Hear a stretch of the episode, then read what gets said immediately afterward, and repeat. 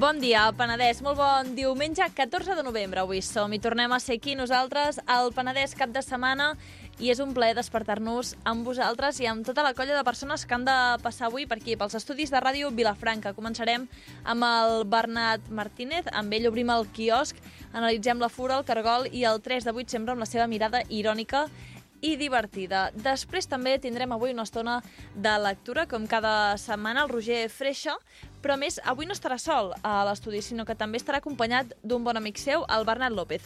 Tot i que parlem de literatura, avui no avui ens fixarem més aviat en el negoci. El Bernat ens explicarà el funcionament del negoci editorial, ja que ell té una editorial.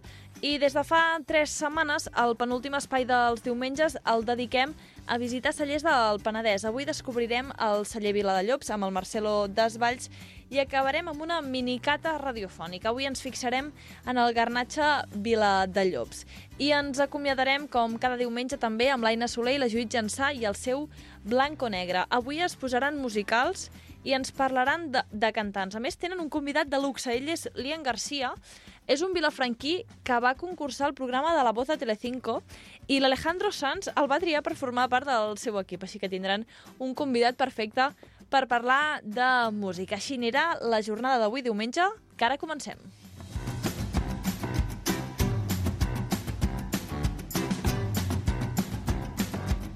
Penedès cap de setmana, el magazín dels dissabtes i diumenges a Ràdio Vilafranca.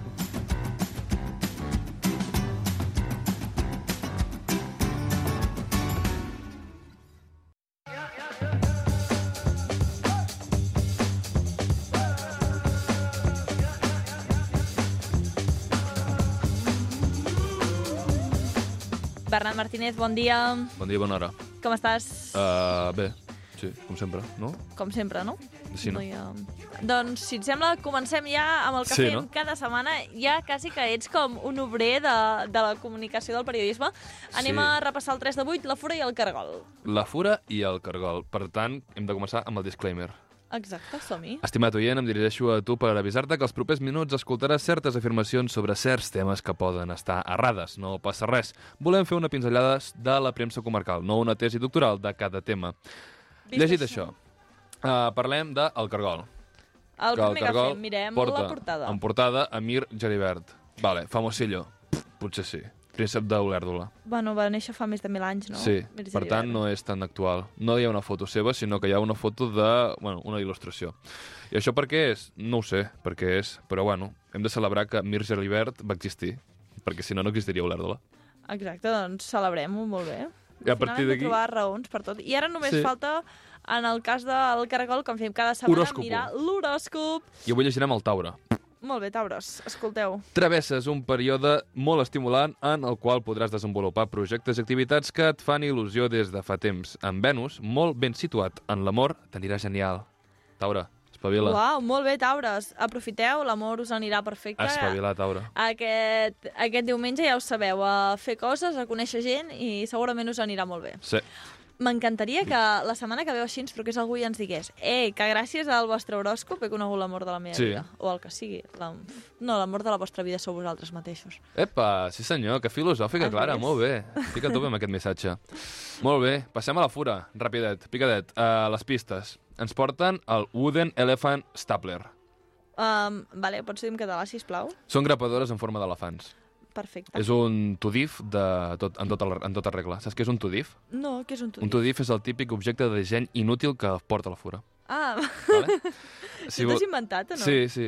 Ah, típic objecte, T, O, vale, típic T, O, objecte, vale, de disseny que porta la fura. Gràcies. Ah, vale. Uh, si vols una grapadora, evidentment no voldràs que pesi un quilo pel recobriment de fusta que li dona la forma d'elefant ni voldràs tenir-la en un prestatge, sinó en un calaix, Clara. Uh, volem coses senzilles, barates, que no costin 32 euros i, i, que, no, i que només donin mal de caps. Per molt que després miris una mica de lluny i diguis ai, doncs És és, molt mona. mono, és molt és mona mono. la grapadora. És el que t'anava a dir, és boníssim, tio. No sé, no és gaire pràctica, com sempre. Passem a la següent.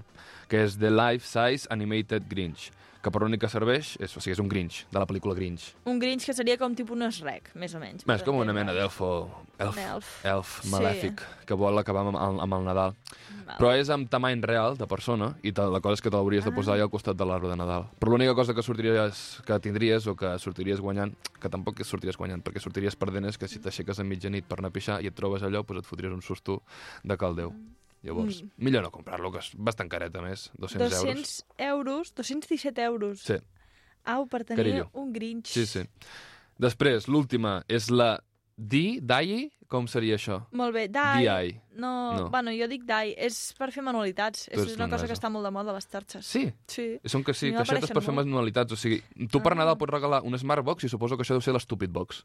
Perquè Ah. a la penya que li dones, doncs, evidentment, preferirà anar a un balneari un cap de setmana que no pas fer-se, no sé, un mòbil per les criatures o una torreta per posar-hi un cactus, aquestes coses. Bueno, hi ha persones que són més felices tenint un cactus a l'habitació que els hi fas anar de cap de setmana i se'ls hi fa una muntanya, eh? No, no, pues sí. No només econòmicament, que això sí que és una muntanya per sí, tothom, sí. sinó que veritat. penses, ara haig d'estar aquesta persona que l'aguanto Eh, tota la setmana i a sobre estar amb ella i, balneari, uh, i haver-me de concentrar fins i tot amb els sopars. I així que Hòstia. no... No, no. Pues si coneixeu aquest tipus de persona que la té fòbia a la resta de persones, regaleu-li una DAI, una DI, no sé, DAI. Sí, Dai, Macrame. Vale. Doncs seguim amb el tema de la setmana. Quin és? Els somriures, clar, és molt important, somriure. No, són els dentistes del Penedès. Uh, tots els dentistes del Penedès els teniu anunciats al reportatge de la Fura. Tots. Molt bé, això bueno, vol, dir tots que, tampoc. això vol dir que han apoquinat, eh? que han pagat Sí, una sí, mica. sí, ha, Molt aquí hi ha hagut diners. Hi ha un apartat sobre l'odontologia holística, això Mm. m'ha tocat bastant uh, la pera. Què és? Bueno, perquè són bastant hippies, o sigui, és uh, fer musicoteràpia i aquestes coses mentre vas al dentista. Vull dir, ja Ah. Tinc prous de... Ja em costarà prou el dentista normal com perquè ara hagi de pagar el triple perquè em facin coses hippies. Uh, no sé, aquestes merdes pijes a mi em treu una mica de polleguera.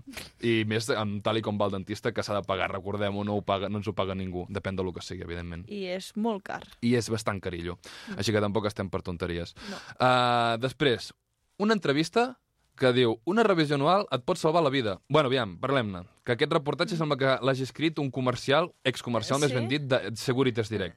Perquè uh, s'han posat espantallalles. Què vols dir? Que una revisió anual et, et, et pot salvar la vida, de I veritat? per... No, en el cas de les dents, home, jo crec que no, però tampoc sóc aquí dentista per poder-t'ho confirmar. Cal, alar cal alarmar la gent? Eh, no ho sé, tio. Mm. M'ha cridat Sí, bastant sí. l'atenció aquest titular. Uau. Però bueno, aquí teniu el tema de la setmana de la fura, que ja veieu que... Bueno, doncs no m'agrada Sí, massa. que hi ha molts, molts, molts Sí, anuncis. teniu molts dentistes al Penedès. Si Sí, teniu càries és que sou inútils, la Sí, veritat, sí. perquè podríeu anar al dentista i us la repararien en un, en un moment.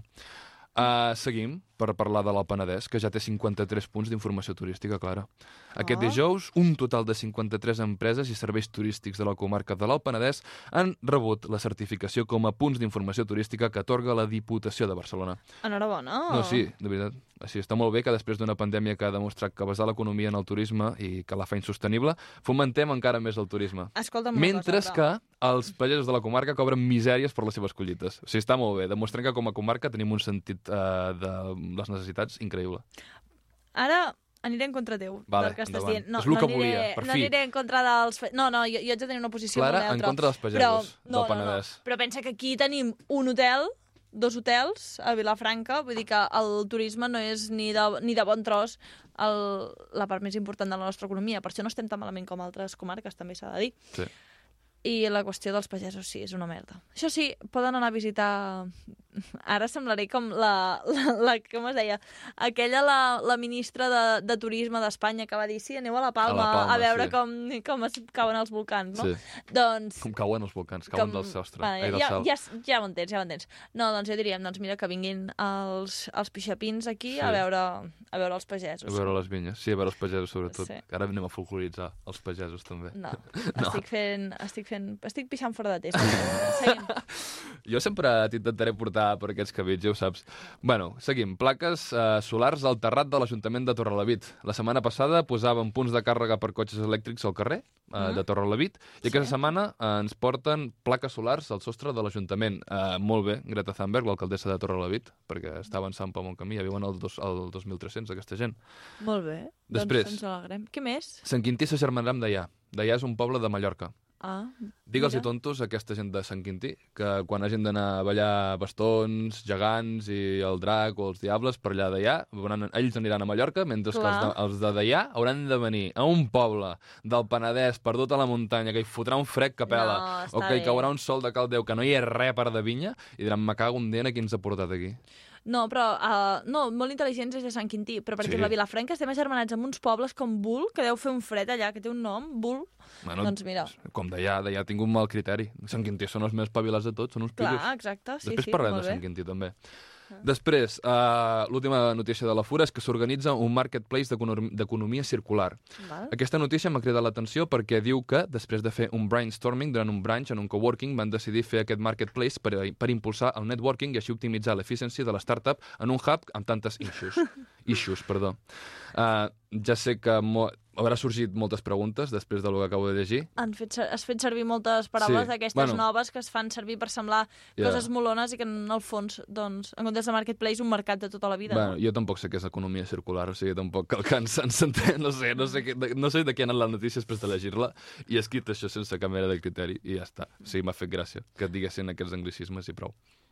Home, um, però hauríem de saber què és economia circular i anunciar-ho i explicar-ho, no? Sí, Doncs anem a fer una cosa que se'n diu Google. vale, jo segueixo. Economia sí, circular. Ves seguint, ves seguint. Som-hi, som-hi. El 3 de 8, en portada ens porta que el govern preveu inversions de 15,7 milions d'euros a la comarca del Penedès, parla de les multes que han posat els, la policia de Vilafranca als patinets elèctrics i, bueno, més coses. Però anem al gra, i és que el govern preveu 22 milions d'euros per l'Alt eh, i el Baix Penedès. Els pressupostos de la Generalitat preveuen destinar 15,7 eh, milions d'euros que aniran a l'Alt Penedès i 6,3 al Baix. Els del Baix estan picadíssims, perquè els Per ha tocat rosegar l'os del pernil.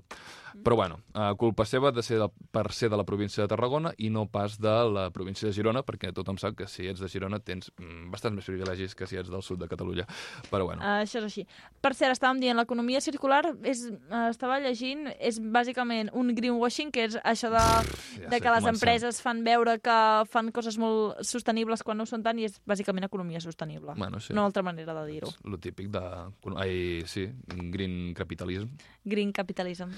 Bueno, uh, deixem el green capitalism, que ja en tenim a cada racó cada dia, i seguim amb els, amb els policies de Vilafranca, que han repartit 115 multes el 2021 per mal ús del patinet elèctric. S'han posat per circular per voreres i zones de vianants i per anar diverses persones sobre el vehicle. Des d'aquí ho celebrem, uh, diem no a l'avenç i sí al retrocés, des que no es pot anar amb burro pel centre de la vila, que no, no, que no anem a millor, que anem a pitjor, tot el contrari. I el que s'hauria de fer és posar un impost a la gent que té patinet elèctric per espavilats, i acabarem amb el greuge. Vale, també, Es tornes a anar en critica. contra meva. No, perquè es critica molt els patinets elèctrics, però com a mínim mm, no, no gasten gasolina i no sé, hi ha gent que ha deixat el cotxe o la mo- moto per anar amb patinet elèctric. Bueno, clar, si vius a ciutat és el més pràctic que hi ha. Però vull dir, Vilafranca tampoc és tan gran. aquest odi tu... desmesurat cap als patinets elèctrics... Bueno, és que Vilafranca, tu què has de fer servir patinet elèctric si tot està al costat de casa, boi? En canvi, si vas a Barcelona encara t'ho compro. Però Vilafranca, per l'amor de Déu, si està tot a quatre passes... Home, de l'hospital fins al Clot de Moja hi ha un tros, eh? Sí, bueno, però... Bueno, ves. Som-hi, va. Seguim. Seguim. Uh, cultura, oci i turisme, els usos, els usos més demanats en la consulta de Can Guineu. Recuperem Can Guineu, cla- Clara, que això se m'està fent llarg i pastós. Uh, no m'està agradant gens i molt malament, Can Guineu. Seguim, a l'apartat de detencions de Sant Sadurní han detingut a un jove, per, bueno, a una persona per tenir 3 quilos de capdells de marihuana al seu vehicle i em sembla excessiu. Que Per tothom què? en porta. Ah. 3 quilets per fer-se un porret en porta. Sí? És broma, Ah, no, va, jo no tinc idea de drogues. A mi em pots aquí enganyar que no, no, en Sí. sé, no en sé, no en sé. I bueno, 3 quilos és bastant, no? Sí, anem una mica apurats, oi, avui? Avui anem apurats. Ja tenim la gent esperant. Acabem, Sí. acabem amb els deports. Acabem amb els deports, el l'hoquei plata guanya el Vila i el Vendrell, el, el Vila de futbol empata contra el Grama, Manu, Manuel Torres i Marta Serra guanyen la cursa roca, Adrià Colomer i Andrea Om guanyen la cursa de serralats a l'Avern, i com sempre, quarta catalana guanya la violència i el Can Cartró, que no perd cap mena, cap partit, no, cap, no perd cap partit, no. Doncs moltes gràcies, Bernat Martínez, A tu. i un plaer, com sempre.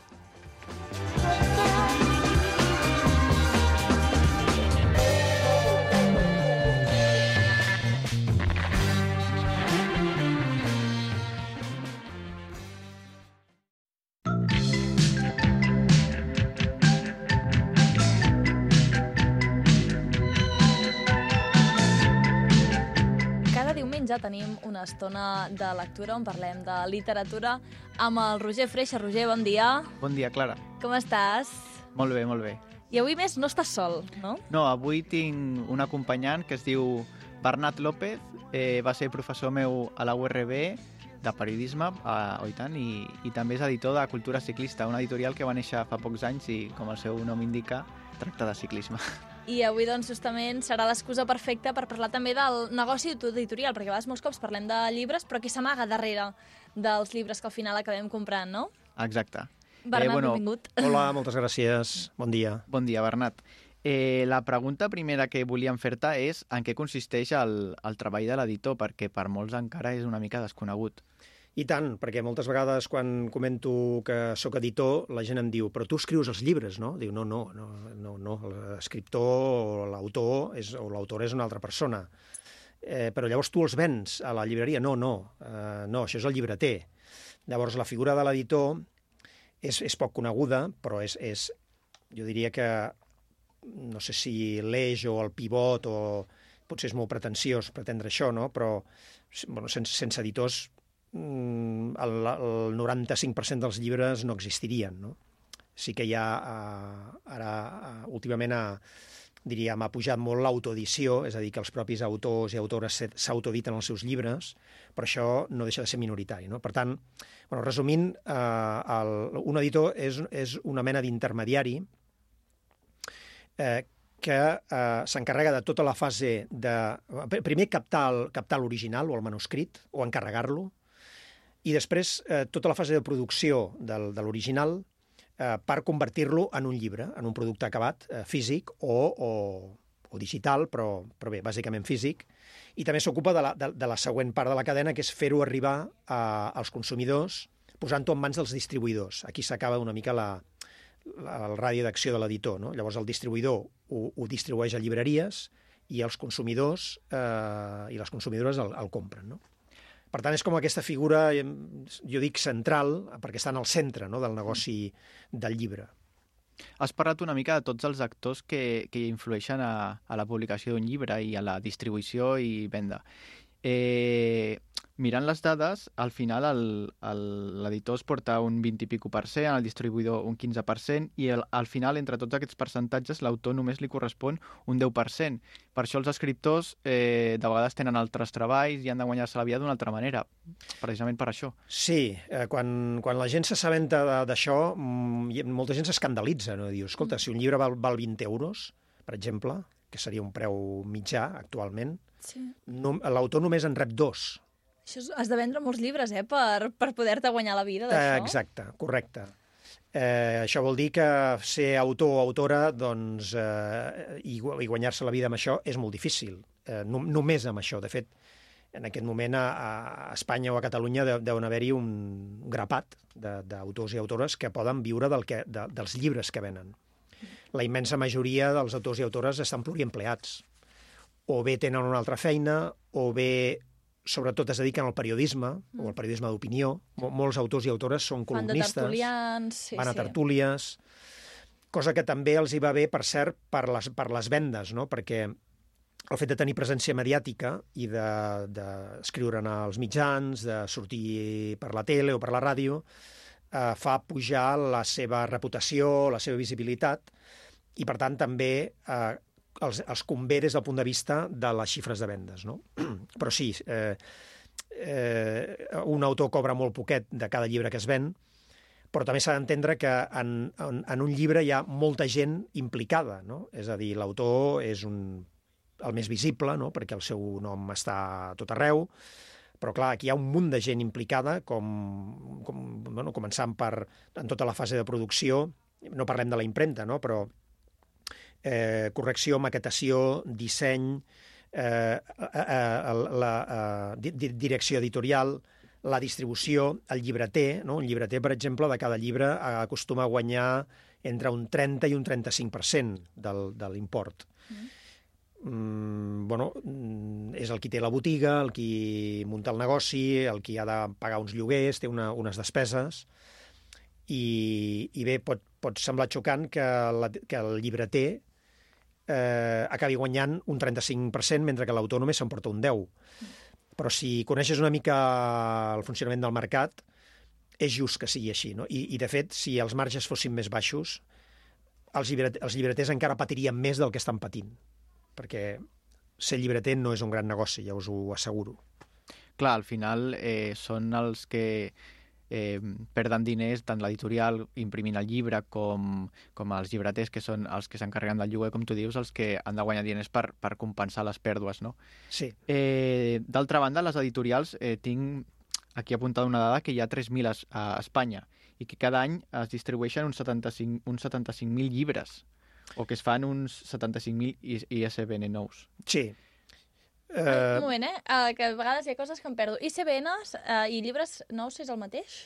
Més o menys. Un ISBN és com la matrícula del llibre. No? Cada, cada llibre, cada, cada llibre que s'edita, com, com si fos un cotxe, té una matrícula, que és un número únic que identifica aquella edició no, no cada un dels exemplars a part, no? sinó el conjunt dels exemplars d'una edició, que poden ser doncs, 500 o 5.000, tenen un número de matrícula, no? i això és el que identifica aquella edició.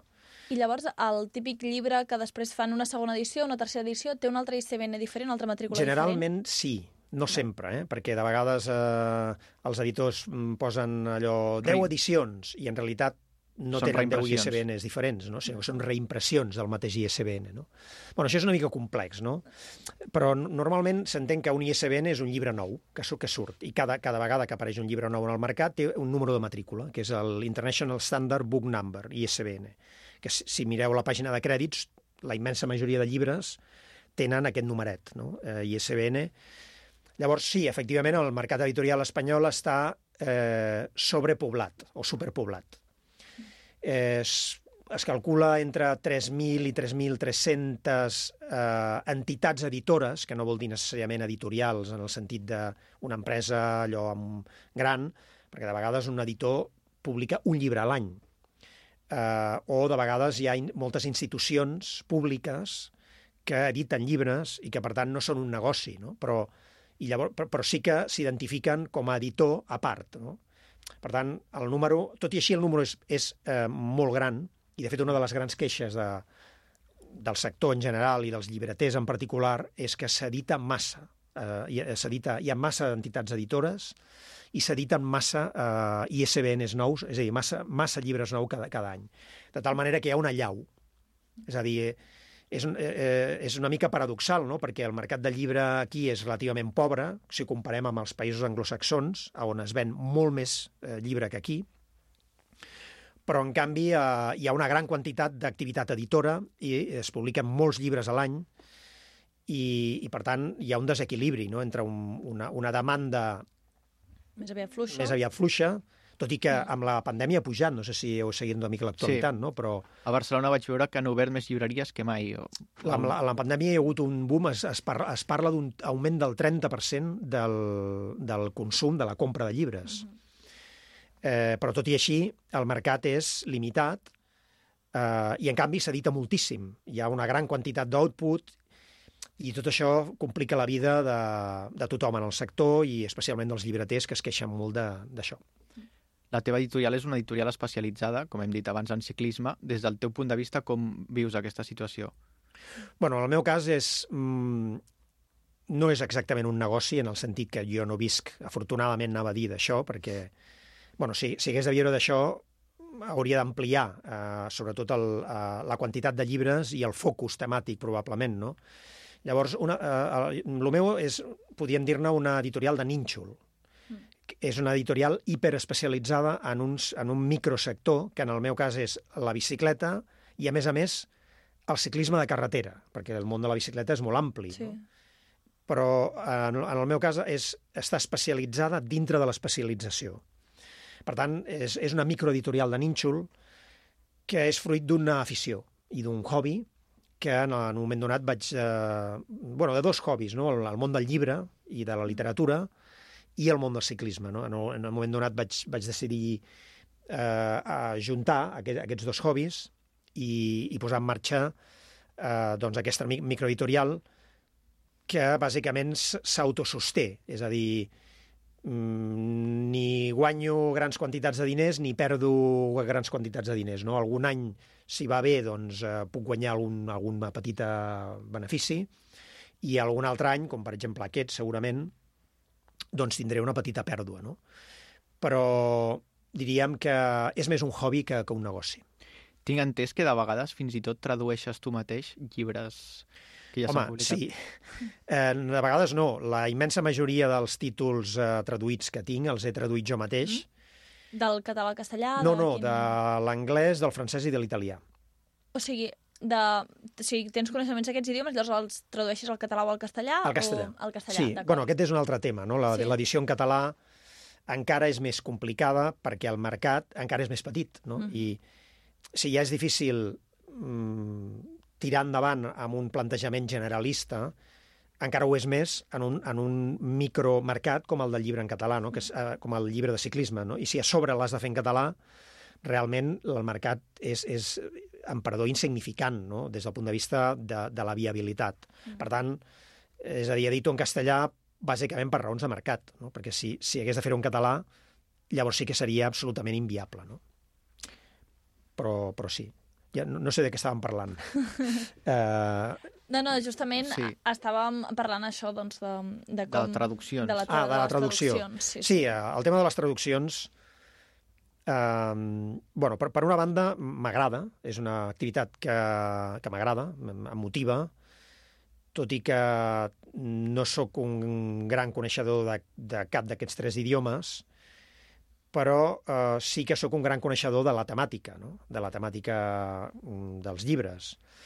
I conec molt la, la història del ciclisme, conec molt l'argot, no? el llenguatge especialitzat, i en el seu moment em va semblar que les mancances que pogués tenir, que tinc en el coneixement general de, de l'idioma, quedaven compensades o podien quedar compensades amb el coneixement de la, del tema, i em vaig llançar a traduir, primera perquè això, per, per, perquè m'agrada, però també per una qüestió de costos, no? mm. perquè penseu que traduir un llibre d'unes 300 pàgines pot costar 3.000 euros de cost. És a dir, el que cobra el traductor, i us asseguro que els traductors tampoc, Tampoc no... viuen molt bé, no, pobres, no viuen sí, molt bé. sí. És a dir, va- van molt ajustats en preus, Mm. però clar, per una microeditorial que d'entrada, sense comptar cap altre concepte, hi hagis de posar 3.000 euros damunt de la taula, 3.000 euros, a- a- amortitzar 3.000 euros venent llibres costa, eh? És a dir, n'has de vendre molts. I més amb aquest nínxol que estem parlant del ciclisme de carretera, que és molt, que és molt, petit. No? Jo, per, per, per donar una, una idea, i tampoc és que sigui cap gran secret, no? però el best-seller, el llibre mm, de cultura ciclista que ha venut més exemplars, Mm. en, aviat farà 10 anys, el 2013 farà, de, el 23 farà 10 anys, o sigui, té, té 8 anys. Mm. És una biografia d'un ciclista italià que es, deia, que es deia Marco Pantani, dic que es deia perquè va morir de, de mort tràgica, Mm. i aquest eh, llibre ha venut uns 4.200, 4.300 exemplars. És el, el, el llibre meu que ha venut més. I dono aquesta xifra per, per, per donar una idea. Des, des, a l'altre extrem tinc un llibre que ha venut 250 exemplars. És a dir, entre, entre 250 eh, d'un llibre que, per cert, mereixia molt més, però, bueno, el mercat va com va, i els 4.300 de, del bestseller, doncs eh, en aquesta forquilla es mouen les vendes, no d'un any, eh, sinó, en aquest cas, de 8 anys acumulats. Mhm. És a dir, que les xifres són molt modestes. I justament ara estem parlant de que són llibres sobretot relacionats amb el ciclisme. Clar, unes llibreries com moltes d'aquí a Vilafranca, vols dir que els interessa tenir llibres tan especialitzats? No, les, les petites llibreries segur que no, perquè mm, les llibreries de, de barri o... No, perquè eh, la gent a qui li pot interessar un llibre de ciclisme mm, és, és, eh, és, és molt, molt estrany, no? Eh, el, que, el que sí que fan moltes vegades és eh, vendre el llibre per encàrrec. Eh, és a dir, em consta que moltes vegades hi ha algun veí que li agrada el tema o que n'ha sentit a parlar, llavors o el vol regalar, perquè això funciona molt també, regalar... Tu coneixes algú que li agrada el ciclisme, no? Què li regalo? Uns guants? Una gorra? O si és una persona que li agrada llegir, li, agra- li regalo un llibre de ciclisme, no? Llavors van a la llibreria, la llibreria l'encarrega. Però encarrega un exemplar, no? Eh, rarament tenen estoc les petites llibreries. Ara, a les grans, i sobretot Amazon, que és el monstre, però també Casa del Libro, eh, Abacus, És a dir, les grans cadenes sí que tenen estoc i tenen seccions d'esports. Si aneu a qualsevol gran llibreria, doncs hi ha la secció d'esports i a la secció d'esports Hi ha la secció de hi ha ciclisme. la subsecció de ciclisme. I allà és on apareixen aquests llibres. I per, abans d'acabar, una última pregunta que volia fer-li al Bernat és, bueno, més que una pregunta és que ens expliquessis una mica eh, que, en què ha de fixar-se un escriptor quan vulgui publicar una novel·la o un llibre en una editorial respecte al contracte. En quins punts s'ha de fixar perquè no li facin trampes? Buf. Um, home, jo el, el que li recomanaria d'entrada és que es llegís um, la llei de la propietat intel·lectual, la part que tampoc és tant, eh? és a dir, això està en el BOE, eh? eh? googleges i la trobes fàcilment, perquè hi ha alguns, alguns aspectes eh, que, són molt, que són importants i que en el qual moltes vegades es produeixen abusos, no? perquè no sempre, però els editors, quan, quan posen un contracte damunt de la taula, tendeixen a anar a màxims per eh, aconseguir, eh, diríem, el contracte més avantatjós per l'editor. I sovint el que li passa a l'autor o l'autora és que mm, no has firmat mai un contracte, o no s'hi fixa, o, o no li preocupa, i llavors moltes vegades firma gairebé a cegues, no? I en alguns contractes, o relativament sovint, es poden produir abusos. Eh, llavors, clar, això no passa si tens un agent literari. Mm, Els, els escriptors i les escriptores professionals tenen un mànager, un agent literari és un mànager, en definitiva, no? que eh, s'encarrega d'aquestes coses. No? Llavors, l'autor o l'autora es dedica a la creació literària o a escriure i no s'ha de preocupar de la comptabilitat, dels contractes. Però, clar, qui té un agent literari? Doncs a Cercas o... Quatre gats, els o, o quatre Reverte, que coneixem Reverte. tots. Clar, Sí, els sí. grans eh, tenen, tenen agents, no? La gent eh, que comença no té agent literari, no té ni idea de- d'aquestes qüestions Mm. i llavors li colen. Llavors, per dir dos o tres coses, no? El tema dels drets, l'im- el, el, el, el, els, els diners que eh, cobrarà o que hauria de cobrar se- s'haurien- se- s'hauria de situar en el 10%, aquest 10% que hem dit abans, del preu de venda públic del, de cada exemplar. Això hauria de ser sagrat, perquè ja que és poc, com a mínim, Mínim co Sí. que, que, confirmar-ho, que sí, estigui sí, en el sí. contracte, no? perquè moltes vegades ni està en el contracte, no? i l'autor o l'autora... Eh, bueno, una altra cosa és que l'autor digui no, a mi m'interessa molt publicar i cedeixo gratis els drets durant, eh, per, per un tram de 500 exemplars, per exemple. No? Això és legítim, no? perquè hi ha autors novells que el que volen és publicar, que donar-se a conèixer i estan disposats a no cobrar, però això ho han de fer voluntàriament, no ha de ser per un Mm. engany o per... Llavors el tema de la durada del contracte, que no sigui una durada indefinida, perquè de vegades eh, allò mm, no es posa durada o, o, o són durades allò exagerades.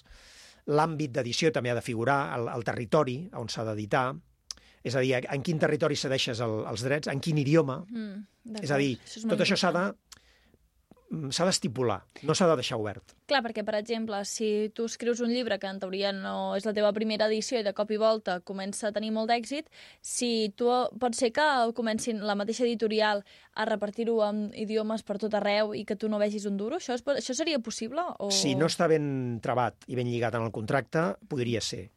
Perquè, per exemple, el, quan, el, el contracte estàndard que et posaran damunt de la taula dirà que tu cedeixes els drets per a aquella obra en tots els idiomes i per tot el món. I això és una trampa. No s'ha- no s'hauria d'acceptar o, o, com a mínim, si ho fas, hauries de ser, hauria de ser sent conscient que ho estàs fent, no? Que, que no, que no te l'hagin colat. No? Perquè, clar, si tu cedeixes els drets per tots els idiomes i per tot el món, eh, l'editor té les mans lliures no? per eh, cedir els drets a, a editors estrangers en condicions eh, molt poc avantatjoses per l'autor o l'autora. No? Per tant, eh, o bé, bus eh, resumint, o et busques un agent literari o llegeix-te la llei de la propietat intel·lectual pel que fa eh, específicament a, a l'apartat de eh, drets d'autor, durada de contractes, és a dir, els, els drets que la llei reconeix als autors i les autores. Doncs ja sabeu, si voleu publicar un llibre, vigileu que no us l'aconin el contracte. Moltes gràcies per acompanyar-nos avui, Bernat. Gràcies a vosaltres, encantat. I també ens acomiadem de tu, Roger Freixa. La setmana que ve tornem, no? De què parlarem? Mm, ja ho veurem, sorpresa. Sorpresa, d'acord. Moltes gràcies, nois. Gràcies. Gràcies. In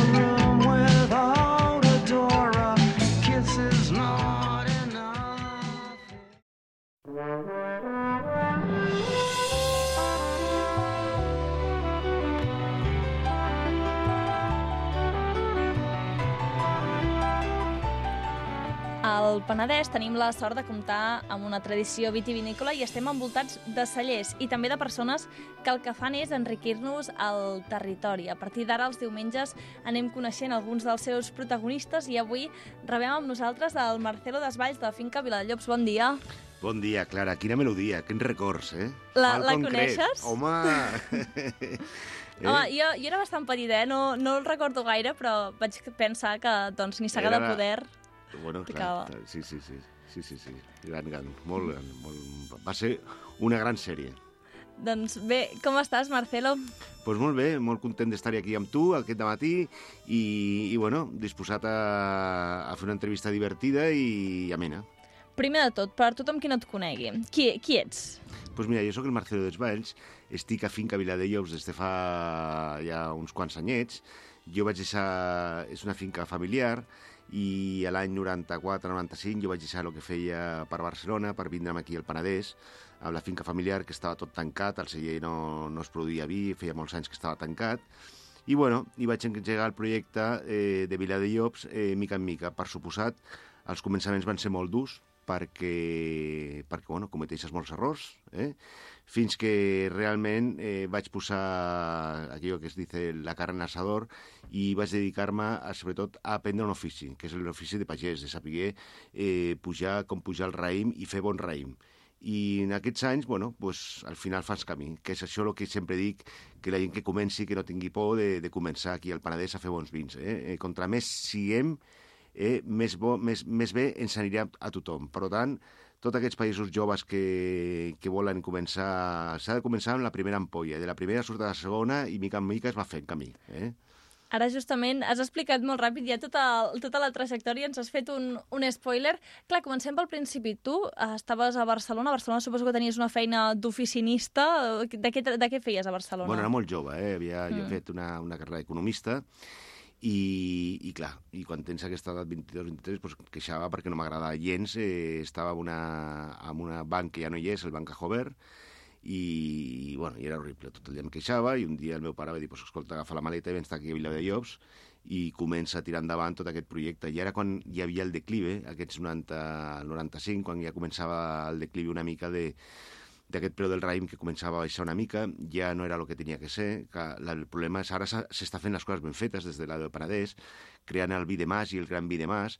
Aquí al Penedès, amb el territori, teníem una, una història molt relacionada amb aquests massos, molts d'aquests massos feien vi, eh, vi abans de la filoxera o vi després de la filoxera, i amb el preu del raïm que als anys 70 doncs, valia diners i tal, doncs, molts d'aquestes cellers es van, es van abandonar de fer vi i es va començar a vendre raïm. Eh? Mm. Això va ser una, una mica una desfeta eh, per part d'aquests massos i, bueno, i ara pues, bueno, tot, tot es pot readreçar i ara, per això ara amb la DO estem una mica creant aquest, aquest paràmetre eh, per tornar a recuperar aquests massos, a recuperar aquesta singularitat una mica al territori tan nostre. Perquè justament Viladellops no només és el nom de, del celler, sinó que també és el nom d'una barriada, diguem-ho així, d'Olèrdola, que, Bueno. que té molta història darrere, no? Moltíssima, Clara. Pensa que jo tinc la gran sort, eh, del poc que he après als cursillos aquests que he fet de, de, de màrqueting, a l'storytelling, clar, al final tinc tanta sort de, de poder tindre, estar en un lloc amb tanta història, perquè penseu que Viladellops sempre està en relació amb el castell d'Olèrdola. I què va passar? Que el 958, quan el conde Sunyer I reconquista el castell als musulmans, es crea una sèrie de fortificacions al voltant de, del castell d'Olèrdola. Eh? Unes fortificacions, unes torres defensives, unes torres de guaita per defensar aquest castell. Aquesta posició tan important que dominava, el Penedès. Penseu que pel Penedès ha passat la Via Heràclia amb els grecs, la Via Augusta amb els romans, Aníbal amb els elefants, i ara passem per la Peixet nosaltres. Nosaltres... Però vull dir que, que, que, que és la via de comunicació cap, a, cap al sud, no? És, eh, I i Olèrdola va ser un nucli, un assentament tremendament important i estratègic. I Viladejobs, a, a partir de l'any 1000, doncs, bueno, mm, eh, s'estableixen aquesta ordre hospitalària, aquesta l'Ordre de l'Hospital de Sant Joan de Jerusalem, una ordre que va ajudar a, a la reconquesta d'aquests territoris i a canvi doncs, li van donar moltes terres a Sant Quat del Vallès, per aquí i per allà. Clar, què passa? Que jo, mm, amb aquests mil anys d'història, doncs, tinc molt que explicar.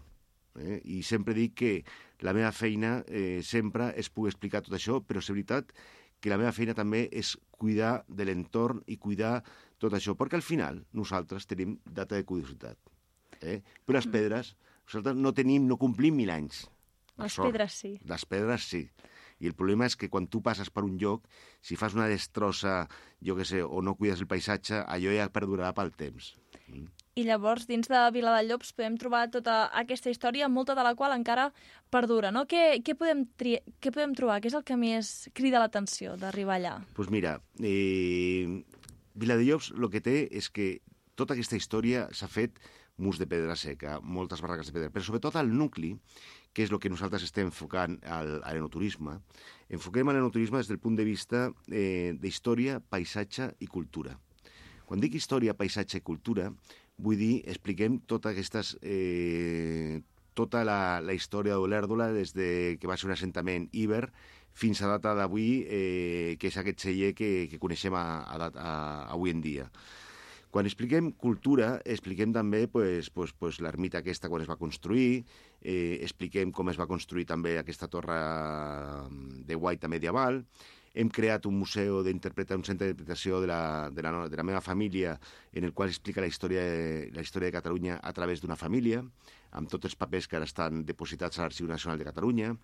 Expliquem aquest celler, que és un celler d'abans de la filoxera, del 1877, i, bueno, i el què es va construir, eh, aquesta riquesa que havia abans de la filoxera, aquests preus tan... Bueno, aquesta apogeo sublime que va haver-hi abans de la filoxera, que tot el vi es venia i, i contra més havia, pues, més es venien.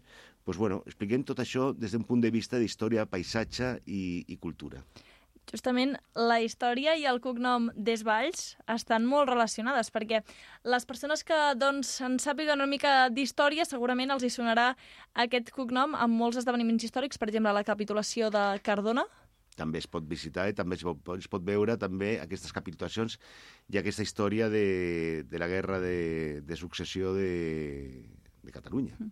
I tu personalment, Marcelo, com, com portes això de tenir un cognom que doncs, hi ha una història darrere i aquesta càrrega? Mira, de veritat que jo porto amb molta, com es dirà, molt, molt d'orgull, però sobretot amb, des del punt de vista... Jo sóc una persona més, vull dir, me tinc d'aixecar pel matí a treballar, com tots i tal.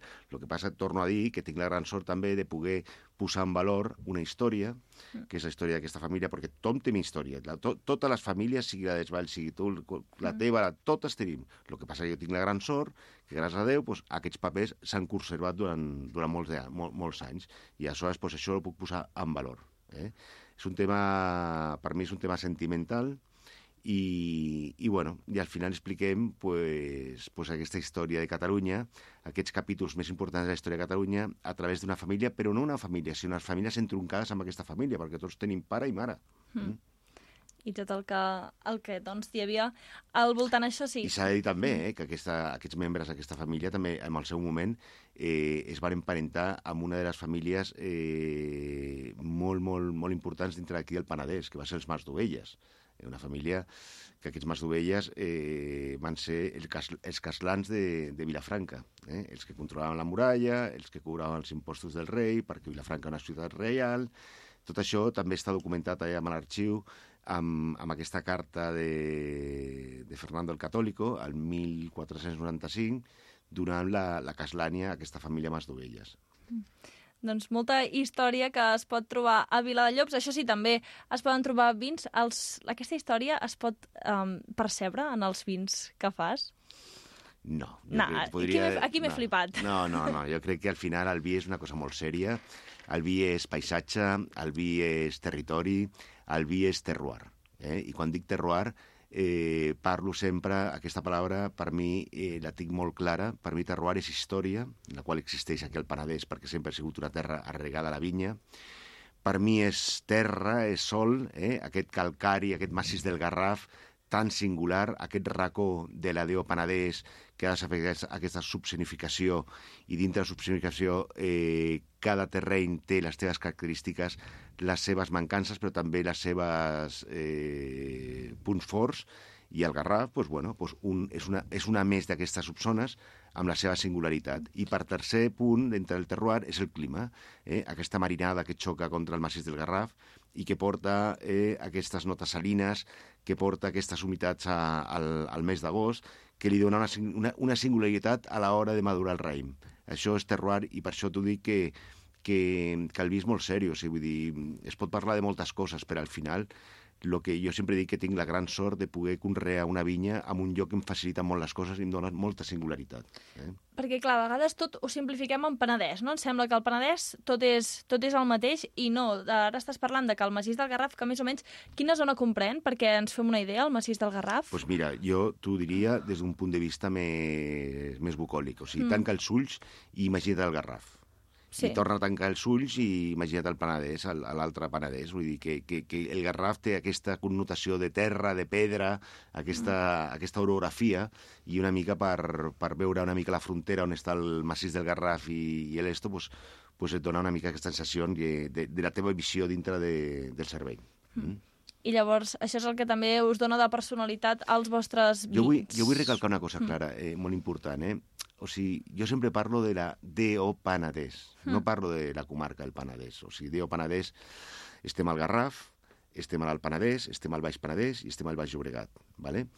I la DO Penedès, eh, al nostre territori, al nostre territori, aquesta comarca del Penedès, igual que el Garraf, igual que el Baix Llobregat o el Baix, Baix Penedès, coexisteixen dos DOs.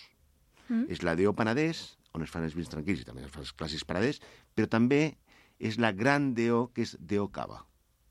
I això mm. s'ha de, de, tenim que començar a extrapolar el que és la DO Penedès de lo que és Cava. Quan nosaltres anem per l'autopista o anem per el territori, penseu que el 90% de les vinyes que veiem, ara dic 90, però no sé si el 80 o el 85 mm -hmm. o el 70, no ho sé. Una gran part. Una gran part, una majoria de part de, de, de totes les vinyes, penseu que més o menys estem parlant d'unes 27.000 hectàrees, doncs millor unes 24.000 hectàrees seria DO Cava. O sigui que... Sí, tant, Tant, tant de clar, pes té. Em- clar, no clar, no n'era conscient, no n'era Sí, conscient. sí, sí, sí, sí. O sigui, vull dir, mm. pensa que, que, que tot el raïm sí que és veritat que tu... Eh, perquè jo, a, a part de fer raïm, tam, o sigui, faig de, a part de fer les ampolles de vi que coneixem, també, també faig mm, raïm per vendre. I pensa que tu pots qualificar-ho com a Déu Penedès o com a cava, tens la, la, les dues aptituds, no? Però pràcticament, pensa que, clar, que el, el, la Déu Cava, ai, no sé quantes ampolles està, però millor amb 250 milions d'ampolles, clar, pensa que, que, clar, que, que tot el territori d'aquí, pràcticament gairebé molta quantitat de raïm que hi ha aquí va uh, cap a l'est. La gent es pensa, no, és que la Déu Penedès és enorme i tal i qual. No, la Déu Penedès com a vi tranquil o com a clàssic penedès és petita. La que És és, la gran Déu és la Déu Cava. Que, per cert, la Deo Cava no s'acaba al Penedès, no? Que ocupa una gran extensió fins i tot a, al centre d'Espanya. O m'estic equivocant? No, Per- no, no, Clara, tens aquí... Bueno, jo personalment crec que, que, bueno, que és una mancança que, que va haver-hi als anys 70, jo, quan es va declarar aquesta, aquesta Déu Cava, però és el que hi ha. Mm, hi ha gent que sap molt més que jo, perquè jo no en sé de, de, de les coses de, de, de les bombolles.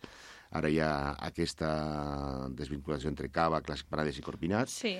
però bueno, estem de posar d'acord i ells saben més que jo, jo no puc parlar d'això, però, però sí que és veritat que una DO, quan un territori, eh, una DO, eh, jo crec que eh, té d'estar una mica per aquest context que he dit jo abans, el terruño, el terroir, el, eh, la història eh, arraigada en una vinya concreta, eh, al tipus de clima i al tipus de sol. Clar, quan això lo extrapoles d'aquí o a Extremadura o a València, clar, estàs una mica desordenant tot el croquis, que és una denominació d'origen. Bueno, mm, és una opinió personal, eh? O sigui, vull dir, cadascú que s'ho prengui... Bueno, aquest coneixement l'agafem i quan convidem algú més del sector del cava, de Corpinat i això, ja li llançarem la, la Clar pilota sí, clar a sí, veure perquè ell, què ell li sabrà molt, molt més que jo. Jo no sóc ningú.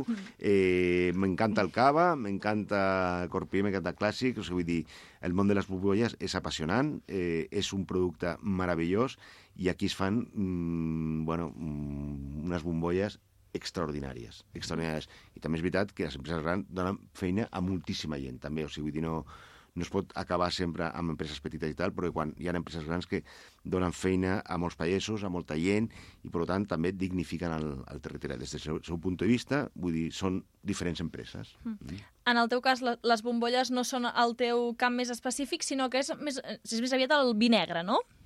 Bueno, el, jo, nosaltres estem enfocats a Viladejobs amb, el, amb les varietats autòctones, que dic jo, el que havia abans de la filoxera. O sigui, penseu que abans de la filoxera no existien el cabernet, el chardonnay, el, chardonnay, el, el, el merlot i moltes altres. Pues aquí era terra de, de, de, pues de xarelos, de malvasia de sitges, de, de, de carinyenes, de garnatxes de, i molts altres, de sumolls i de picapoll i molts altres. Bueno, jo simplement he recuperat aquesta garnatxa tan nostra, tan mediterrània, mm. que s'adapta també a aquest terra calcari del Masses del Garraf, i el xarelo. I aquestes dues varietats són les que nosaltres eh, apostem. Pel blanc, xarelo, que és una aposta genèrica de, de la Déu Penedès, Mm. i pels negres aposto amb, a, amb aquestes garnatxes. I, Clara, bueno, fes-me la pregunta que, que parlava abans. No, no, el, el que et volia dir justament és que molta gent, eh, suposo que tu també ho has sentit a parlar, que parlen si al Penedès hi ha vins blancs i acaba, però que el negre està com molt mal vist a vegades, fins i tot desvalorat, no? No, mira, jo el que et diria és que eh, aquest croquis d'una zona... Eh, al Penedès eh, és, és, és un àmbit eh, territorial molt gran, eh, la Penedès, en el qual te pots trobar a moltes subzones i molts, i, i, i, molts, i molts racons. Aleshores, dintre d'aquest Penedès hi ha zones aptes per fer un tipus de raïm i altres zones aptes per fer un altre tipus de raïm. Penseu que partim d'una alçada a nivell del mar, on està la marinada de, la, mar, la marina del Garraf, anem pujant, su- pugem a- al Mas del Garraf, amb unes terres calcàries, tornem a baixar amb, una, amb altres zones que tenen una profunditat de sol diferent, tornem a pujar cap a la cordella prelitoral, amb altres... i arribem pràcticament als 700 metres o 650 metres d'alçada. Clar, estem sempre amb aquesta Déu Penedès, i clar, tens mm, vinyes que estan pràcticament a 600 metres d'alçada i vinyes que estan a 600 metres d'alçada. Eh? Vinyes que els toca la, la, la, la marinada de, de, de cop i vinyes que tenen un, un, un terreny més eh, diferent. Per tant, dintre d'aquest terreny tan gran, aquest territori tan gran, es poden fer pues de bueno, lo que tenim ara. Es poden fer bombolles, digue'ns com els dic, es poden fer clàssic penedès, es poden fer uns grans vins blancs, es poden fer, eh, pues, eh, el que he dit ara, la, la Déu Penedès que està dintre d'aquest territori, Mm. i per suposat n'hi ha zones per fer grans negres.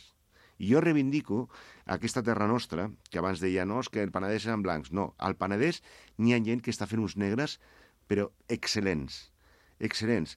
A vegades falta que ens creiem més. I per suposat, com en totes les deos, com en totes les deos, perquè què us penseu? Que a, a, a la Champagne o a Rioja també hi ha vins miserables.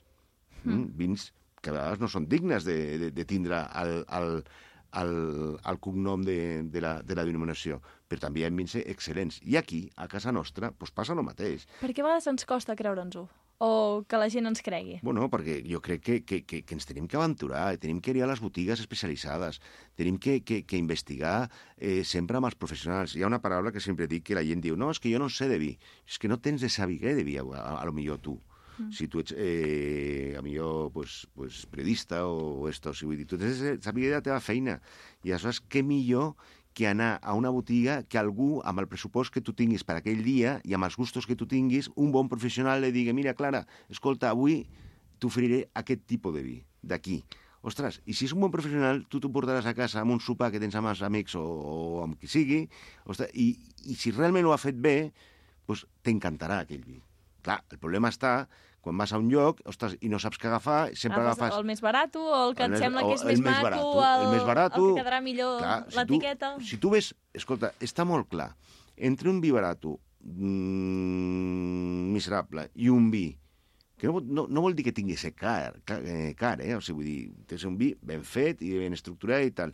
O sigui, la diferència de gusto, la diferència de, de, de organolèptica, la diferència de, de plaer, és infinit. I és tan senzill com agafar, jo què sé, un peix dolent o un pastís de, de, de, de porqueria, esto, i un pastís bo de pastisseria. O sigui, vull dir, els dos són pastissos. Un te valdrà, jo què sé, mm, barato, barato, i un altre és un pastisser d'aquí de Vilafranca bo, i, i clar, la diferència serà abismal. Doncs pues el mateix, entre buscar només el preu amb el vi, o buscar, jo què sé, aquell vi que no coneixes, eh, i un vi que t'ho recomani un professional, una persona que realment sap el que hi ha dintre d'aquella ampolla de vi, doncs el teu plaer serà infinit. Infinit.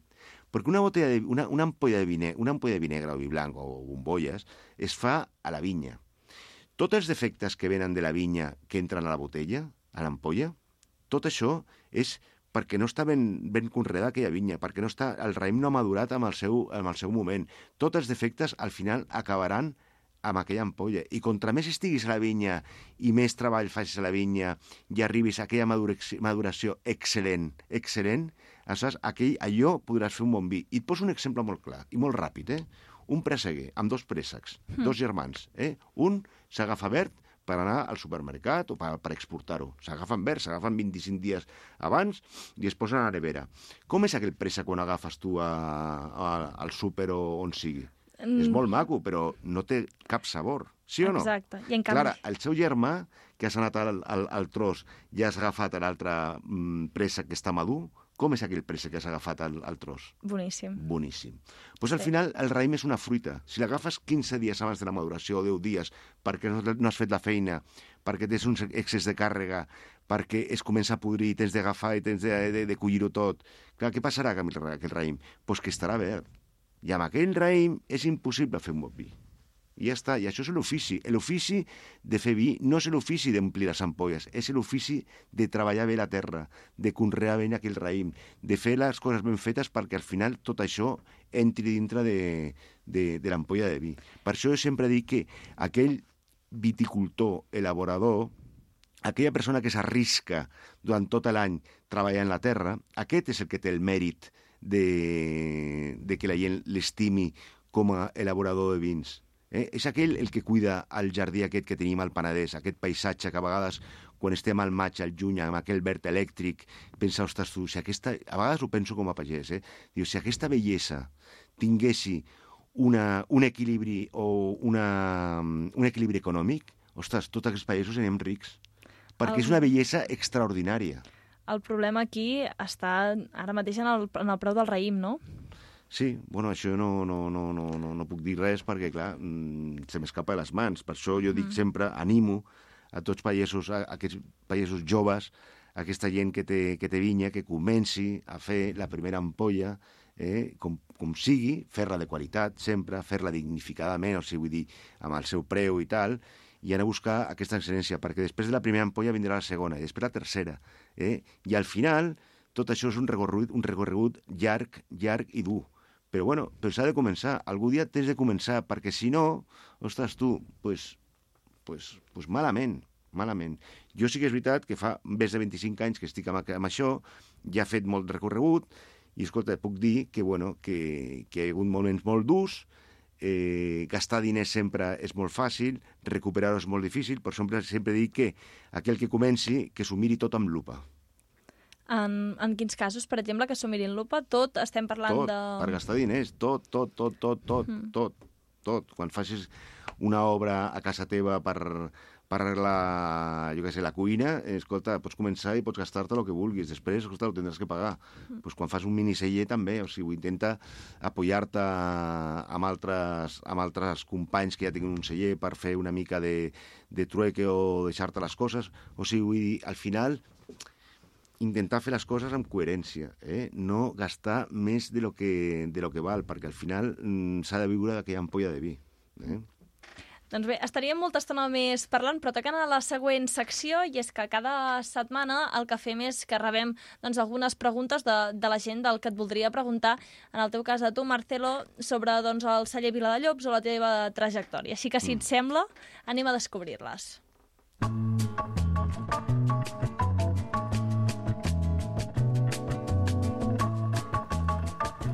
I anem a descobrir la primera pregunta. En aquest cas te la fa l'Eric. El fet d'estar a Viladallops, en un poble amb tan poqueta gent, us dificulta una mica tirar endavant el negoci? Res, Eric, estem, tinc la gran sort de que estic allà enmig de les vinyes, enmig del massís del Garraf, però clar, és que estem a 5 minuts de Vilafranca, a 10 minuts de, a 12 minuts de, de Sitges Vilanova, a, a, 30, a 40 minuts de Barcelona. Vull dir que és un paradís, això del Penedès. És un paradís. Estem connectats per tot arreu. Sí, que de moment això no hi ha problema. Una altra pregunta, en aquest cas, ens l'ha escrit l'Ester, i és que diu que teniu uns allotjaments d'alt standing, ha fet servir aquesta paraula, i que si heu tingut mai famosos. Ah, sí, és veritat. Però no exploto jo, eh? Jo tinc llogat una, Ah, una, una casa Mm. eh, que es diu Calmingo, eh, i la veritat que mai em diuen que vindrà. Però, clar, un dia eh, em vaig trobar allà que tenia que vindre... Vindrà un famós, em diu la que gestiona, que és l'Àlex de, del Clubhouse de Sant Pere de Ribes. Mm. Jo, vindrà un famós. Jo, bueno, però, però no et puc dir qui és. I va vindre el Pau Gasol a tastar vins. Uau! Sí, també va vindre el de... No sé si era de la Guerra de les Galàxies o Star Trek. Em sembla que el jo no m'ho conec gaire, aquestes coses, Sí. però... Bueno, Però sí. ha vingut gent. Tampoc les coneixo gaire, però bueno, sí, amb el Pau Gasol sí, per suposat. Home, eh? i també es veu d'una hora lluny. Bé, Tu ets alt, però el Pau Gasol suposo que és una mica més alt, sí. no? Molt, per cert, molt amable, eh? Molt amable. Molt amable? Sí. Doncs bé, aquestes són la, les dues preguntes que ens han fet avui i després també una altra cosa que sempre volem tenir clar és, mira, nosaltres eh, ens agrada allò, venen els típics amics de Barcelona i ens volem fer els xulos i diem, vale, us portarem a un bon celler. Què, què podeu oferir, Viladallops, d'opcions així per, per quedar bé, eh, quan portem a gent? Pues mira, eh, primer de tot, eh, estaràs en un lloc que encara, per, encara, encara té la màgia aquesta de- d'estar en un lloc que sembla que el temps hagi parat. Està exactament igual, que ha sigut la meva feina també aquests 25 anys, de restaurar tot el poble, tot el nucli de Viladillops. Estàs en un nucli del Penedès que eh, encara té la, la màgia, la, aquesta màgia de, de que el temps hagi parat. O sigui, vull dir, això és el començament. Segons, eh, li, eh, se li puc explicar la història del Penedès a través del castell d'Olèrdora. Tot això que hem explicat abans de de- d'aquesta aquest capítol d'història i cultura que tenim i per suposat eh, explicar uns vins eh, fets a, en un lloc concret amb aquesta subzona amb Assís del Garraf. Doncs tothom que li interessi, suposo que pot anar a la web, no? Vila de Llops, i fàcilment trobarà les diferents opcions. Nosaltres fem el, el turisme el divendres, ai, el divendres, el dissabte i el diumenge. Vale. I tot es fa a través de la web. La web ja està predisposada per reservar, per reservar les visites i des d'allà. I allà surt el telèfon, si té cap, cap dubte, doncs, bueno, es pot trucar sempre. I també el que fem cada, cada setmana aquí, avui estem anant ràpid cap al final perquè hem estat molta estona parlant i després doncs, ens queda poc temps, és recomanar un vi. Un vi per, per comprar, per gaudir-lo en algun moment del dia. Quin vi tens pensat recomanar-nos? Doncs mira, jo et recomanaré, com sóc un ferro defensor dels negres d'aquí del Penedès, perquè ja sabem que blancs, els quetxarelos o altres blancs que tenim que són meravellosos, però els negres s'ha de potenciar una mica més.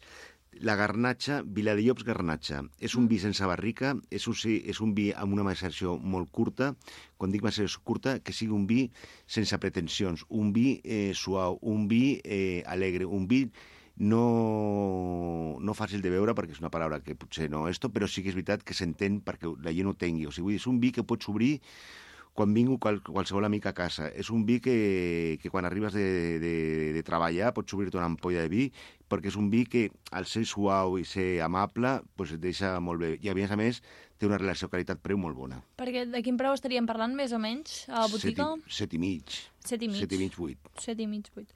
Doncs ens l'apuntem. I el podem prendre... Bueno, ara potser és massa aviat, tot i que ens has donat moltes, moltes ganes de, Mm. de descobrir doncs, els, els teus vins, però potser seria massa aviat. Però així ja, ja al migdia ja ens sentaria bé, no? Home, jo crec que el cap de setmana és bàsic menjar bé amb una bona, una bona ampolla de, de vi o una bona, bona ampolla de- d'espumós i, de fer, i després fer la migdiada. Això és, per un diumenge, és bàsic, és fantàstic, si es pot, Mhm. clar. Sí, sí. La, home, la migdiada, la migdiada és molt important. Doncs bé, Marcelo Desvalls, moltíssimes gràcies del celler Viladallops per acompanyar-nos avui i per parlar doncs, del Penedès, d'aquest massís del Garraf, d'aquests negres, d'aquest terroir. Molt bé, gràcies a I ha vosaltres. estat un plaer.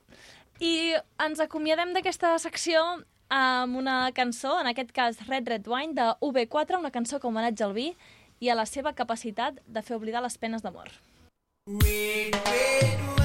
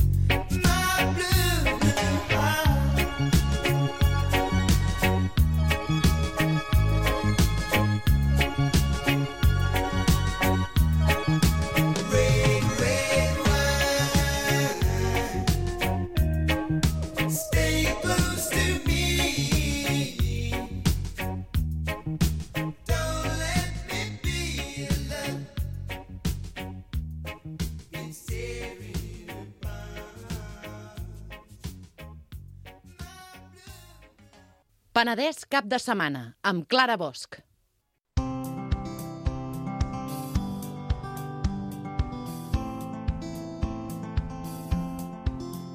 Últimament, l'Aina Soler i la Judit Jansans estan portant uns temes i uns personatges molt interessants i aquesta setmana han estat a l'alçada i porten a Lian Garcia. Ell és un vilafranquí que va concursar al programa que segur que tots heu vist de La Voz de Telecinco, que és allò que ja doncs, hi havia el David Bisbal, hi havia l'Alejandro Sanz, uns quants que es giraven i que triaven doncs, les millors veus.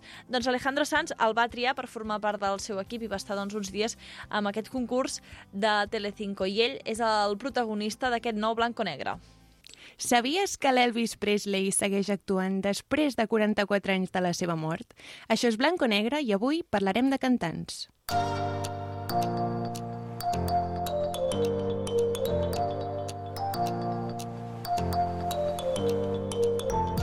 Doncs, com ara us deia la Judit, eh, l'Elvis, després de tants anys de mort, no el deixen descansar en pau, encara el fan treballar.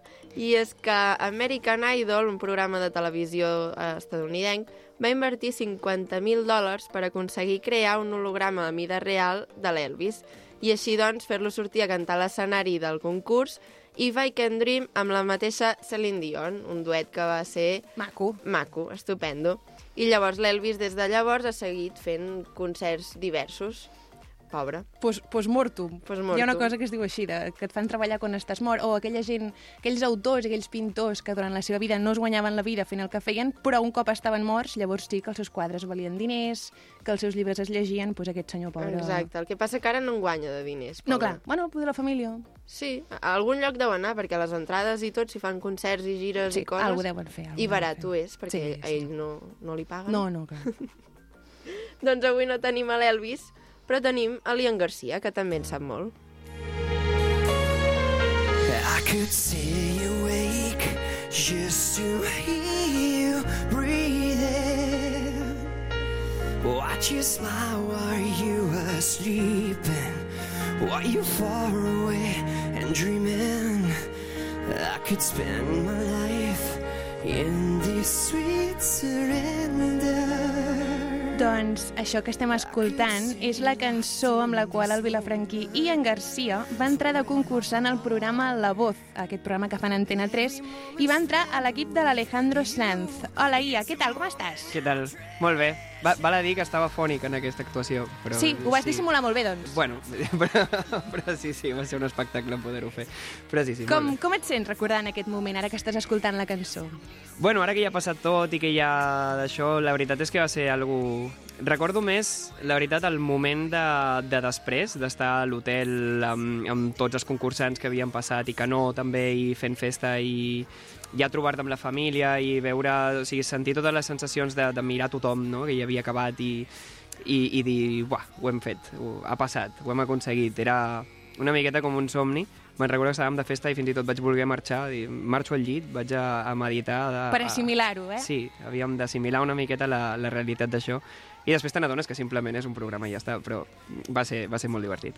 Home, és que la sensació ha de ser forta, eh? Pels que no ho sapigueu, si encara queda algú que no ho sap, la Voz és un concurs de televisió musical espanyol que consisteix en triar entre un grup de concursants aquells que destaquin per la seva veu i sense que la seva imatge influeixi en la decisió del jurat. És a dir, el jurat està en unes cadires d'esquena i només escolten la veu de qui surt a cantar. I llavors amb aquesta cançó han de triar si l'escullen o no apretant un botó, llavors es giren.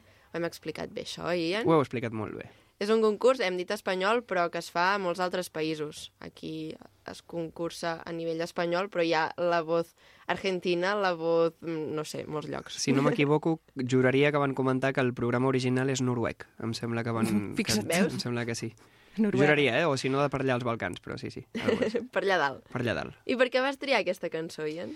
La veritat, el programa t'ofereix la possibilitat de fer una llista d'unes quantes cançons. No sé fins a quin punt dic coses que dintre del meu contracte no puc dir, però ja que estem... Jo, jo crec que ens escoltin els Per això no passa res. Um, bàsicament, ells et demanen un seguit de llista, una, una llista de cançons que et resultin còmodes, que ja hagis fet i que sàpigues pues, que, que et queden mínimament bé, perquè al final és amb el que sortiràs. Llavors, al final són ells qui et donen a triar dintre de les cançons que has fet.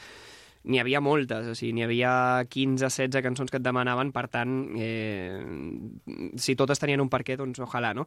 En aquesta en concret, bueno, sí que és veritat que és una cançó que sempre ha anat molt amb mi, era una cançó que vaig començar a fer en les meves primeres classes de cant jo sent alumne, i doncs, bueno, era una cançó que tenia molt per mà i la veritat em va ser bastant fàcil que pogués ser aquesta, com podria haver estat qualsevol altra que haguessin triat. Vale, perquè has dit que és una llista que potser hi havia 15 o 16 cançons. Tranquil·lament. I tu les practiques totes allà, aquestes cançons? No, no, no, no. no. La, la idea del programa realment el que trobes és, és algo molt... O sigui, és molt sutil. Realment tot el que veus a la tele pràcticament és el que està passant a la realitat. Sí que hi ha molta estona de preparacions, tens moltes hores, tens dos dies de preparacions d'entrevistes de tal, però al final és tot per fer els, els totales que nosaltres diem, que és el que, el que com ells li diuen, que bàsicament són els puntets afegits doncs, de paraules, d'imatges que surts tu cantant, practicant, fent, però realment tens un moment de preparació molt curt. O sigui, tu vas allà i amb la cançó feta, ho fas tot per internet, ho prepares amb la banda per internet, la banda et passa la, la demo que ells tocaran, tu la prepares, tal, llavors allà ho prepares una miqueta amb el coach, però ja vas amb la cançó feta. Sigui, ja saps el que, ja saps el que faràs. Vale, és que no, no ho sabia, tenia Mhm. curiositat. No sé si us n'heu, us n'heu adonat, però he dit que de les 15 qualsevol hagués sigut fàcil. No, clar, perquè això va així. No, no, vull dir que em, em refereixo a que... Bueno, és igual. No. No, que està molt bé, Ian. Ho té per mà, ho té per mà. Exacte. Home, quan són cançons que tries tu, si les tries tu, doncs evidentment tries cançons que se suposa que ja et resulten còmodes dintre de l'estil que ja fas. Clar, un sol solet, una cosa així. I com o quan, en quin moment vas decidir presentar-te a la voz? Doncs la veritat, eh, va succeir tot... Jo ja m'havia presentat un parell d'anys enrere i en aquell moment no, no havia arribat a res. De fet, em sembla que em van trucar per fer el primer càsting. Són cinc fases de càstings. Abans, Cinc fases de Són càsting. cinc, cinc càstings abans d'accedir al, a, la, a la televisió, a l'audició a cegues. Consideraríem l'audició com el sisè càsting abans d'entrar en el programa. O sigui, considerem que si es gira el coach, estàs dintre del programa. Si el coach no es gira, per molt que surtis a l'audició, no arribes a entrar. Considerarien, almenys en el format, que és així. Prèviament hi ha cinc fases. Una d'elles és online i després ja són, eh, ja les fas a Barcelona, Madrid, i si vas pujant una miqueta el rango i van fent la selecció. En, enguany em sembla que aquest any s'havien presentat unes 17.000 persones o alguna així. Estava bé. Eh, llavors, eh, perdona, quina era la pregunta? No, no, que quan havies decidit presentar-te? Ah, doncs, bueno, això, me'n vaig presentar fa un parell d'anys, no va arribar a res, vaig fer només la fase de Barcelona i allà es va quedar, i aquest any va ser un redactor que em va trobar a mi. Mm, Es veu que aquesta gent, el programa també té com una miqueta de caza talentos, que mm, dispersen per les xarxes i aquesta gent pues, s'encarrega de buscar gent que considerin que canta bé i tal. I llavors vas una miqueta de la maneta d'aquesta persona, et dona quatre consells, quatre detalls, però ells ja et veuen un potencial. Diuen, ei, ets mm, potencialment apte per entrar, eh, envia'm els vídeos a mi, envia'm els d'això a mi, o sigui, tot el que tu tinguis abans de presentar-ho al càsting, llavors t'ajuden una miqueta a fer-ho maco, no? Envellir una miqueta totes les cosetes per assegurar el tiro d'anar entrant. Un cop ja vas fent el primer càsting, després ja estàs, però sí que aquesta primera, aquest primer moment perquè et truquin pels càstings sí que va ser molt útil, la veritat, tenir. I has dit que entre el primer càsting Mm. i el sisè, que és el que surts a la tele, Sí. hi ha, hi ha un, sis, bueno, sis càstings, no? Sí, Quant de temps passa entre el primer Mira, la- fins que surts a la tele? Doncs la presentació, o sigui, la convocatòria a presentar-nos per als càstings, o sigui, perquè ens truquessin per entrar en les fases, va ser de cara mm, poc després de Nadal. O sigui, et diria de cara a gener més o menys del, del, de l'any passat. Bueno, o sigui, d'aquest 21, de- gener del 21, i vam estar a l'audició a cegues, va ser un parell de setmanes després del meu aniversari, recordo, per tant, sobre el maig. O sigui que es fa, es fa una mica llarg tot això. Sí, uns 5 mesos de preparació abans de la... Clar, és que a la tele no sembla que sigui tan llarg. Tot passa molt, Clar, ràpid. és molt ràpid. I a més ens està desvetllant una de secrets que... Esperem de veritat que, que els organitzadors no escoltin aquest programa. I, i en, si no t'hagués triat l'Alejandro Sanz, que és el, que, el, el coach del teu equip, Mhm. amb qui t'hauria fet il·lusionar? Jo sempre deia que m'hagués encantat anar amb el Fonsi. Era, bueno, per mi és un tio que a nivell vocal m'encanta, té un registre vocal que està molt... que s'assimila, no pot ser en estil, perquè jo sóc més rockero, ell més, més popero, reggaetonero. De, de, despacito, oi, el Fonsi? Ah, sí, Sí. clar, d'això em sonava. Però és que, ojo, perquè el Fonsi venia d'enrere i té Clar, clar. uns temes i uns discos molt guapos de, de pop comercial abans d'entrar en el món del reggaeton. I llavors jo el valoro moltíssim i m'agradava molt com a artista. O sigui, que sí hagués entrat amb el Fonsi. Però, bueno, al final, amb l'Alejandro, que menys, no? Déu-n'hi-do. Déu-n'hi-do, Ah, no ens que queixarem. No ens queixarem, no ens queixarem. I estaves parlant una mica de com és el programa, has dit que és bastant real tot el que es veu a través de la pantalla, però com Mhm. és el programa fora de la pantalla, darrere les càmeres? Molt millor del que et veus en Mira, persona. imagina't, imagina't.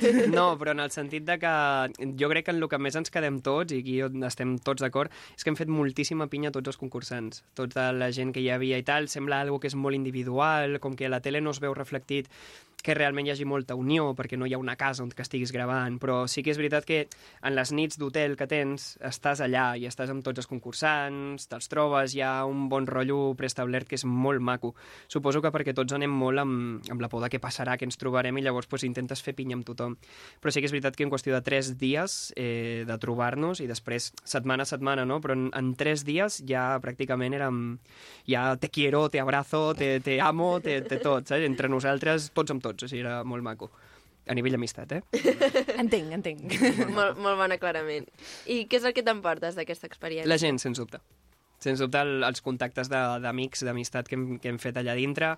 Hi ha intenció de fer un disc amb, amb molts d'ells, de, de convidats, fer un, un disc en el que pràcticament no tingui ni una cançó jo sol, sinó que tots siguin recopilacions amb, amb gent d'allà, perquè mira, doncs, si no venem una còpia, doncs, almenys tenim el record de tots ells, no? i ja està. Home, i tant, això és com quan te'n vas de camp d'estiu i toques una cançó allà amb la guitarreta i ho graves. Sí. No, hi ha gent que es fa fotos, li en grava discos. Mm. Cadascú, i, tant. I escolta'm, a part de la voz, sabem que has tingut altres projectes. Jo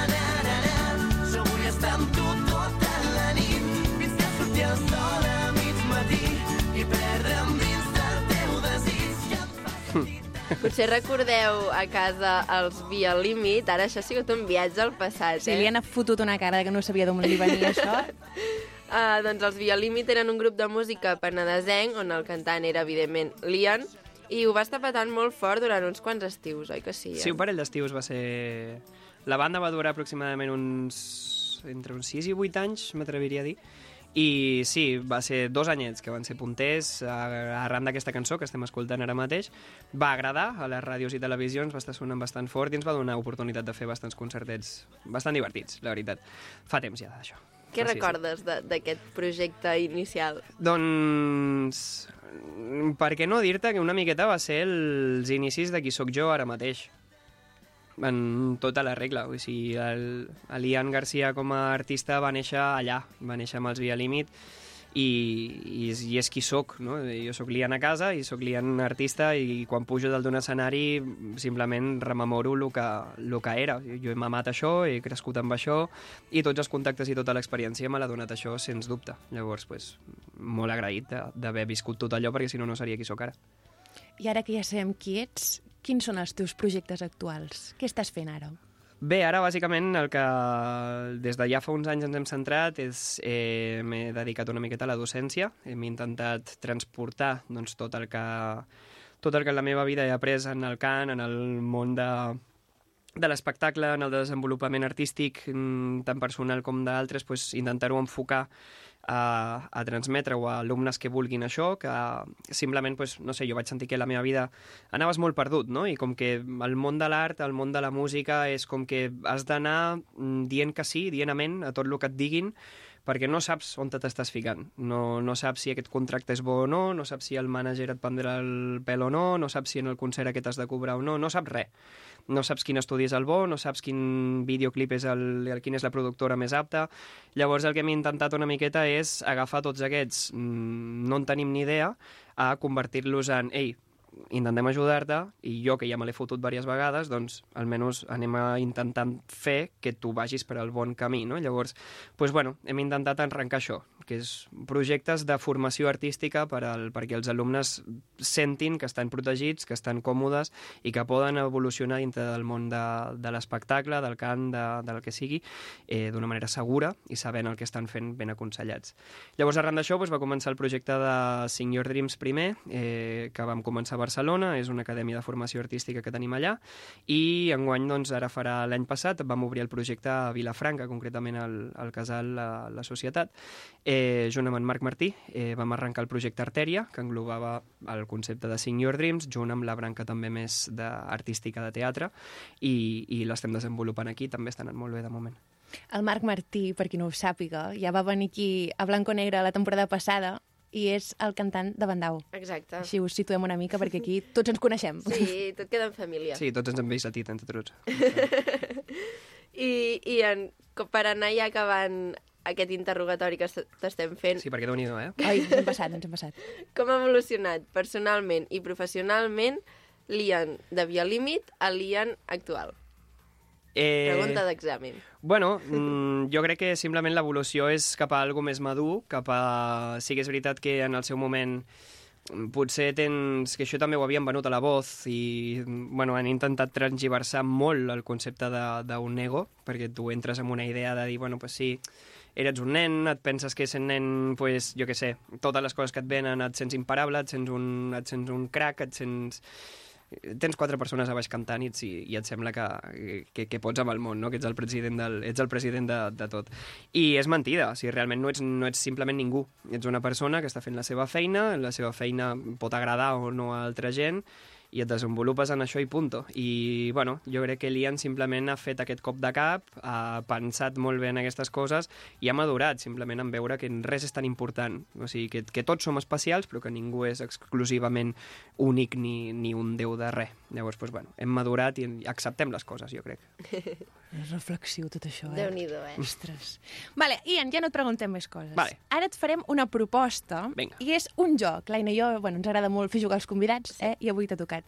Vale, saps quin és el joc del furor? Sí, bueno, Vale. o sigui, l'havia vist de petit, però ara no em diguis de què consistia, perquè no... De, bueno, Ara no et ve, oi? No, no. Vale, doncs, per també pels que esteu a casa. El joc del furor és un joc que juguem molt al cau, a l'esplai... Sí. Bueno, potser la gent de carrer també també hi juga. No ho sé, no ho sé. Doncs és un joc que jo et dic una paraula, la que a mi em sembli, i tu m'has de cantar un tros de cançó que contingui aquesta paraula. És a dir, Mm. si jo et dic plàtan, tu m'has de dir, pues, la la la la la la, el plàtan, la cançó Vale. que tu et sàpigues. Vale. I llavors nosaltres també ho hem de fer quan tu acabis. Amb una paraula que ens diguis tu. Exacte. Ok, val el qualsevol idioma, no? O sigui, si Sí. em dius plàtan, no cal que sigui plàtan. Plàtan. És que no, espero que ningú banana. digui plàtan, perquè almenys jo no em sé cap... Bueno, no em sé cap cançó no, amb fruites. sí, love, amor... Vale, sí, sí, Amor. pots, pots traduir el que vulguis. Plàtan tens el fruto del amor, que és la banana. Ah, Sí. és que a mi aquella de. Apple Pen... Ja, ja està guanyant, eh? Pineapple Ja està, Pen, ja l'hem cagat. No diu plàtan. Bueno, doncs, Ian, comença. No, començo no, jo, no, comencem començo jo, nosaltres, clar, que hem d'agafar avantatge. No, clar, a que veure, si sí, no- és que a sobre. Vale, Aines, tens alguna paraula pensada? Sí, va, comencem amb algo fàcil. Música. Home, sí, fàcil? Music. Música. Hòstia. Ara m'heu trencat aquí, eh? De veritat que m'heu trencat. És que a mi em sembla molt difícil, aquesta. Sí. La canvio, doncs, va. Amor. Amor. Mm... És una putada quan t'hi fiques en aquestes coses, perquè llavors no et ve res al cap, oi? No, sé, és que a mi em ve tot en anglès, de cop, com si pot sapigués molt. anglès, Sí, sí, sí, Ah, clar. sí, sí. Eh... Ah, jo ja en tinc una. Ja, però és que jo no et vull cantar la de Love Me Like You Do, aquella. Perquè... Oh, escolta'm, la primera que et passi pel cap. Pues això, si no tens aquesta. repertori. Love me like you do, love, me like you do. Però no, no sé, és que no Perfecte. sé més. Ara ens has de dir una paraula i ho farem igual de bé. És que n'he flipat. Um, mm, Sí? trencar. Sí, mira. Trenc- I el xafar raïm, no et fot? Ah, Trencar? trencar. To break, broke, broken. You, Ah. you break my heart o alguna així, no? Eh, Alguna hi haurà, break my heart. Um, trencar, en sèrio? Ah, no, uh, broken... No, no, no, no, passo. No, canvia de paraula. Següent. Um, uh, fotografia. Ah, la de l'Ed Sheeran. Tengo tu foto Bueno, aquesta no la canta l'Ed Sheeran, però vale. A veure, pa volverme loco o algo així. aquesta, doncs. No et sona? No, no me la sé. Vale. Bueno, és igual. Una altra. Ara tu, Judit. Ah, dic una cançó jo. Vale, nit. What a night has come and the light is dark and the moon is the only light we'll see.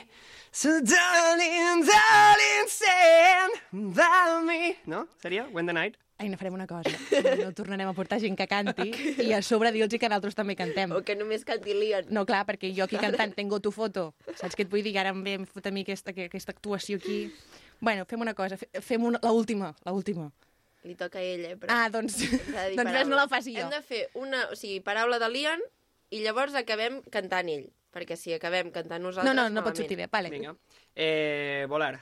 Volar. Y volar y sentir que, ya no queda veneno. Però per què no me'n sé cap? Sí. vivir, o algo així. Sí. Oh, fly Llegando, me llegando. to the moon. No? Quines cançons Això no és de Frank Ja. Sinatra? És el Frank Sinatra, Clar. Fly me to the moon. Igual que la Let me play among the stars. Sí. no? Volando voy, volando Ah. vengo. Molt bé. I tens Flying Free de, de Pont Aeri, també. Free. Ara clar. surten totes, eh? Després amb trencat no en teníem ni una. Vale, li diem la última i Sí. que acabi ell. Tens alguna Ah, lluna. Lluna. És que, clar, t'acabo de dir Fly Me to the Moon. Potser t'has inspirat amb això. Clar, ja estaves allà, eh? No, una altra, una altra. Eh, lluna, lluna, luna, luna, luna, luna, luna. Eh, tinc al cap la de Saturno, del Pablo Alborán, però no em ve al cap ara la melodia. Tu te la saps, Aina? Mm. I és que... I en Saturno... Però no em sé la lletra. Viven los hijos que nunca tuvimos en Plutón. No sé què diu. I llavors diu, i en la luna... Na, na, na, na. Però no ho sé. Ens serveix. He Bueno, és igual, és que He canta perdut, també, ho és igual que no se sàpiga la lletra. No, has guanyat, has guanyat. Ian, doncs ja està, ens quedem, ens quedem amb aquest últim cant que has fet. Deixem estar això de volar i volaré i això que hem fet l'Aina i jo. Um, gràcies per venir. Estem molt contentes, ha sigut un plaer per nosaltres que vinguis aquí a cantar-nos aquestes honor. cosetes. No, el plaer ha estat meu. Esperem per que t'ho hagis passat molt bé. Moltes gràcies, jo ho he passat superbé, ha estat molt divertit. Eh, espero que quan tinguem més audiència i quan jo també sigui algú més i tot vagi pujant, ens tornem a veure, fem aquest contracte. Quedem així. Tant. Aina, No, quedem no. així. Quan Quan us, escoltin, siguem quan us famoses, escoltin dos milions de persones, vull, vull tornar a venir, eh? Vull tenir el Com saps que no ens escolten dos milions de persones? vale, deixem-ho així. Ian, gràcies i molta sort amb tot. Moltes gràcies a vosaltres.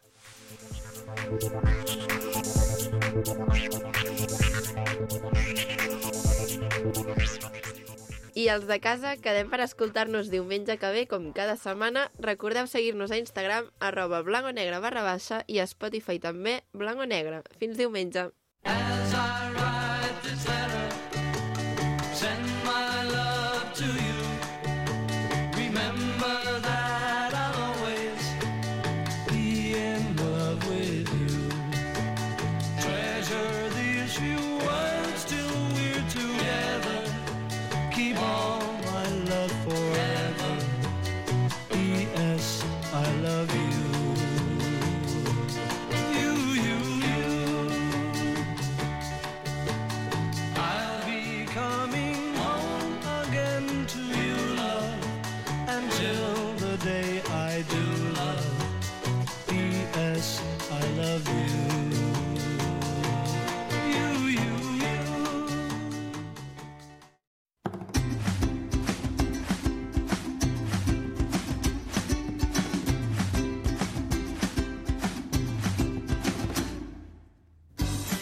I arriba el moment d'acomiadar-nos. Moltes gràcies per acompanyar-nos un diumenge més a un programa Penedès Cap de Setmana que avui ha estat possible gràcies als periodistes Bernat Martínez, Roger Freixa, eh, també convidats com el Bernat López i el Marcelo Desvalls i també les periodistes Aina Soler i Judit Jansà, a més dels de, piuets, el Joan Amat. Moltíssimes gràcies per la confiança i passeu molt bona setmana.